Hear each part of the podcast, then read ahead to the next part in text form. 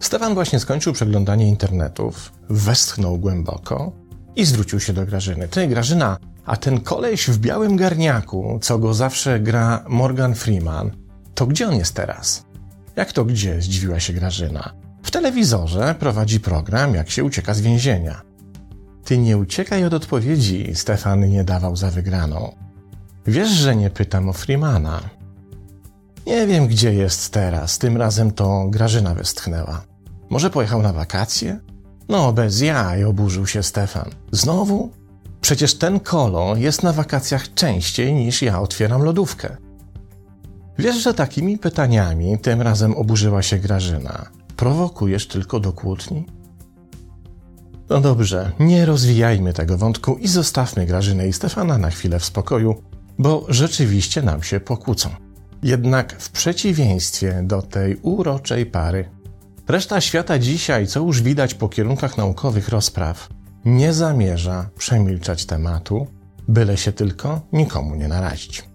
Kiedy w 1991 roku profesor psychologii Roy Baumeister, ten sam, o którym opowiadałem w kontekście badań nad efektem wyczerpywania ego, w swej książce, oczywiście nieopublikowanej jak dotąd w języku polskim, Sens życia, napisał, że najczęściej zadawanym na świecie pytaniem jest pytanie o sens życia, nikt się nie spodziewał, że w 30 lat później to pytanie będzie zadawane wciąż tak samo często.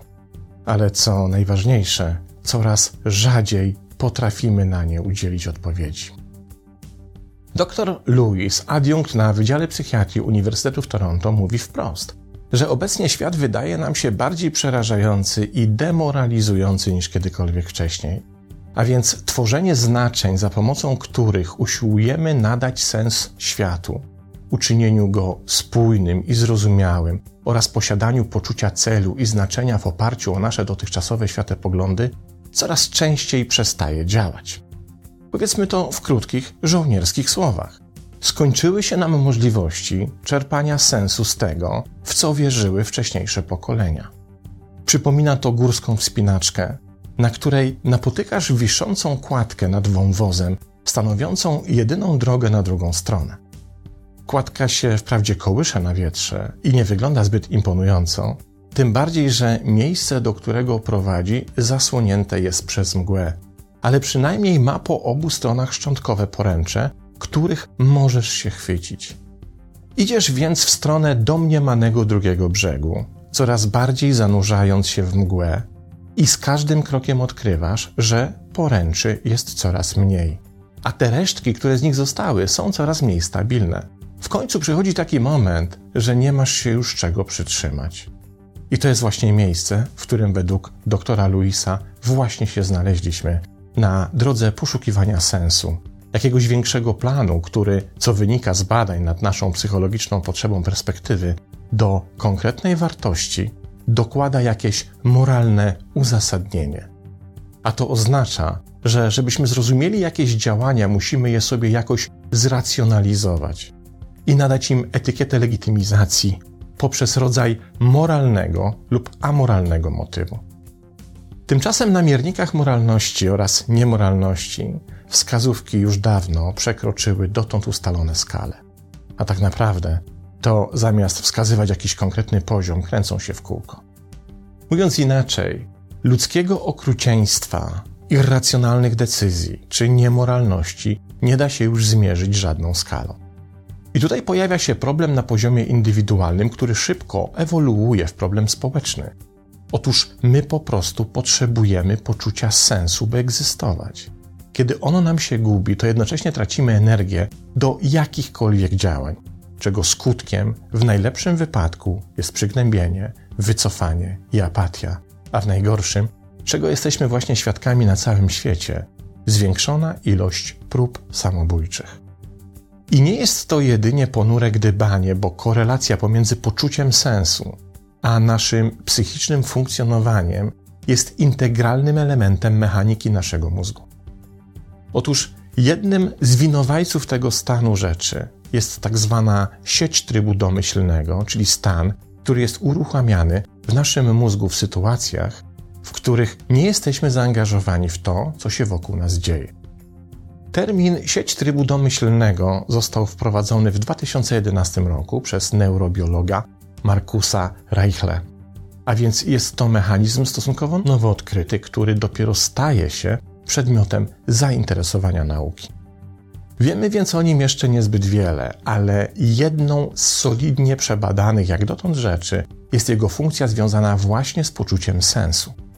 Ostatnie badania naukowców z Departamentu Psychologii Uniwersytetu Princeton, których wyniki poznaliśmy w 2021 roku, sugerują, że sieć trybu domyślnego jest również zaangażowana w integrowanie informacji zewnętrznych z informacjami wewnętrznymi, takimi jak nasze dotychczasowe przekonania, emocje oraz wcześniej zdobyta wiedza w celu nadania sensu wydarzeniom zachodzącym w świecie zewnętrznym.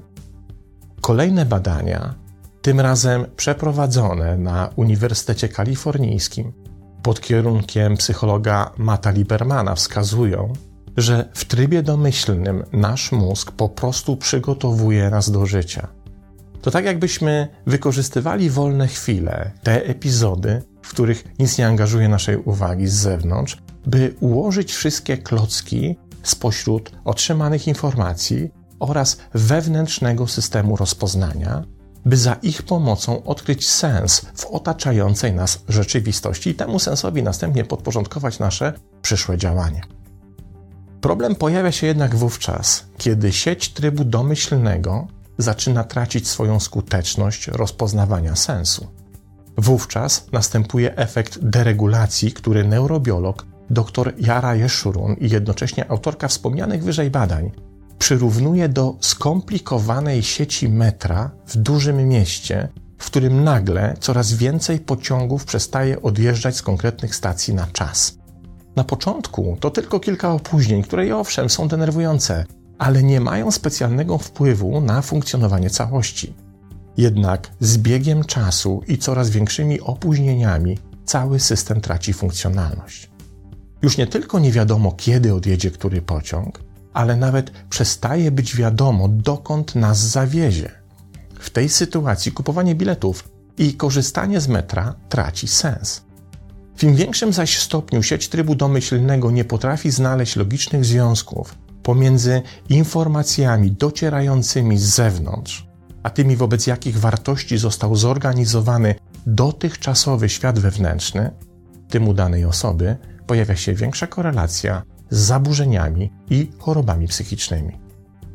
Już od kilku lat, i to jeszcze na grubo przed pandemią, wielu badaczy alarmowało, że doświadczamy epidemii wzrostu chorób psychicznych i to na całym świecie. A rokowania w tym względzie z roku na rok stają się coraz gorsze. Kiedy połączymy te dane z wynikami badań nad deprawacją sieci trybu domyślnego, to związek zaczyna być oczywisty. Wspomniany wcześniej dr Ralph Lewis, kanadyjski psychiatra, wskazuje, że problem tkwi w sposobie, w jaki próbujemy znaleźć sens w świecie, posługując się już niestety coraz bardziej nieaktualnymi założeniami. Staramy się tworzyć znaczenia, usiłując nadać sens światu, by uczynić go dla nas spójnym i zrozumiałym, by zbudować w sobie jasne wyobrażenie o tym, w jaki sposób możemy żyć w celowy sposób. I to taki, który będzie miał znaczenie. W tym celu posługujemy się założeniem, że wydarzenia, których doświadczamy w naszym życiu, mają miejsce z jakichś zamierzonych powodów.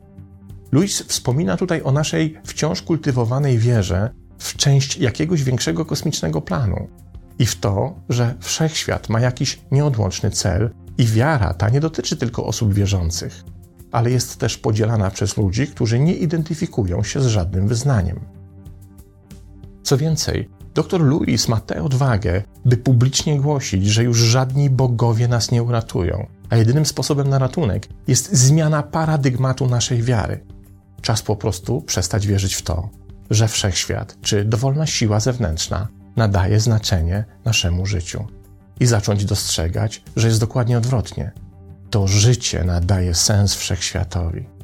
Że najwyższa pora przestać uznawać, że moralność jest nieodłączną cechą wszechświata Bo tak naprawdę moralność wyłoniła się i rozwinęła z instynktów współpracy i więzi, osiągając swoją najbardziej złożoną formę u ludzi. Że choroby i klęski żywiołowe oraz okrucieństwa, których doświadczamy, redefiniują dotychczasowe podejście o nazwie dlaczego ja na podejście dlaczego nie ja. A to oznacza, że uznawanie, że jakieś nieszczęście może nas ominąć, to jedynie iluzja, z którą prędzej czy później będziemy się musieli boleśnie skonfrontować. Co więcej, pora uznać za stały element społecznej dynamiki to, że ludzie mają naturalne skłonności do przemocy, okrucieństwa, egoizmu i irracjonalności, jak i to, że mają też naturalne tendencje do niezwykłego poziomu współpracy, empatii i racjonalności. Na szczęście tendencje prospołeczne miały ogólną przewagę ewolucyjną nad tendencjami antyspołecznymi w adaptacji biologicznej i kulturowej, i wciąż to w naszych rękach pozostaje, czy uda nam się jako społeczeństwu te tendencje utrzymać. Czy manifest doktora Luisa oznacza, że nie ma już żadnej nadziei? Otóż jest dokładnie odwrotnie. Daje nam nową nadzieję, tak samo jak odkrycie, że kiedy stoimy na rozchwianej, rachitycznej kładce, na której właśnie skończyły się poręcze, jeszcze nie oznacza, że musimy spaść w przepaść. Oznacza jedynie, że musimy poszukać możliwości takiego balansowania naszym ciałem, by sobie w tej sytuacji poradzić. W tym celu trzeba przewartościować widzenie siebie w świecie. Kiedy pogodzimy się z tym, że poszukiwania sensu na zewnątrz nie przynoszą żadnej satysfakcjonującej odpowiedzi, jesteśmy w stanie dostrzec i zaakceptować, że to nie nasze życie nadaje sens nam, ale my życiu. Nic nie stanie się lepsze bez naszego udziału i nic nie stanie się sensowne, dopóki sami nie przejmiemy inicjatywy w definiowaniu sensu. Pamiętajmy jednak, że idea doktora Luisa, mimo iż pojawia się coraz częściej wśród innych naukowców i autorów artykułów, nie stoi w sprzeczności z poglądem, w którym odkrycie sensu istnienia jest ściśle związane z odkryciem naszej własnej, wewnętrznej duchowej ścieżki, w której celowość naszego istnienia wiąże się z konkretną misją czy zadaniem do wykonania w życiu. Louis przekonuje jedynie do tego, by przestać oczekiwać, że cokolwiek pochodzące ze świata zewnętrznego zapewni nam poczucie sensu. Te możliwości się już po prostu nieodwracalnie wyczerpały. A zatem to przewartościowanie świata, na które z taką nadzieją czekamy, rozpoczyna się od znalezienia sensu wewnątrz siebie, bez konieczności szukania wsparcia w tym, czego na zewnątrz doświadczamy. A najlepszym dowodem na słuszność tej tezy są wyniki badań przeprowadzone na Uniwersytecie Waszyngtońskim, w których udowodniono, że istnieje sposób na wyciszenie i uspokojenie aktywności sieci trybu domyślnego i jej imperatywu konieczności poszukiwania sensu pomiędzy tym, co zewnętrzne, a tym, co wewnętrzne, i tendencją do deregulacji, kiedy takie poszukiwanie nie przynosi rezultatów. Łatwo się domyślić, co jest tym sposobem, prawda? Tak, to medytacja.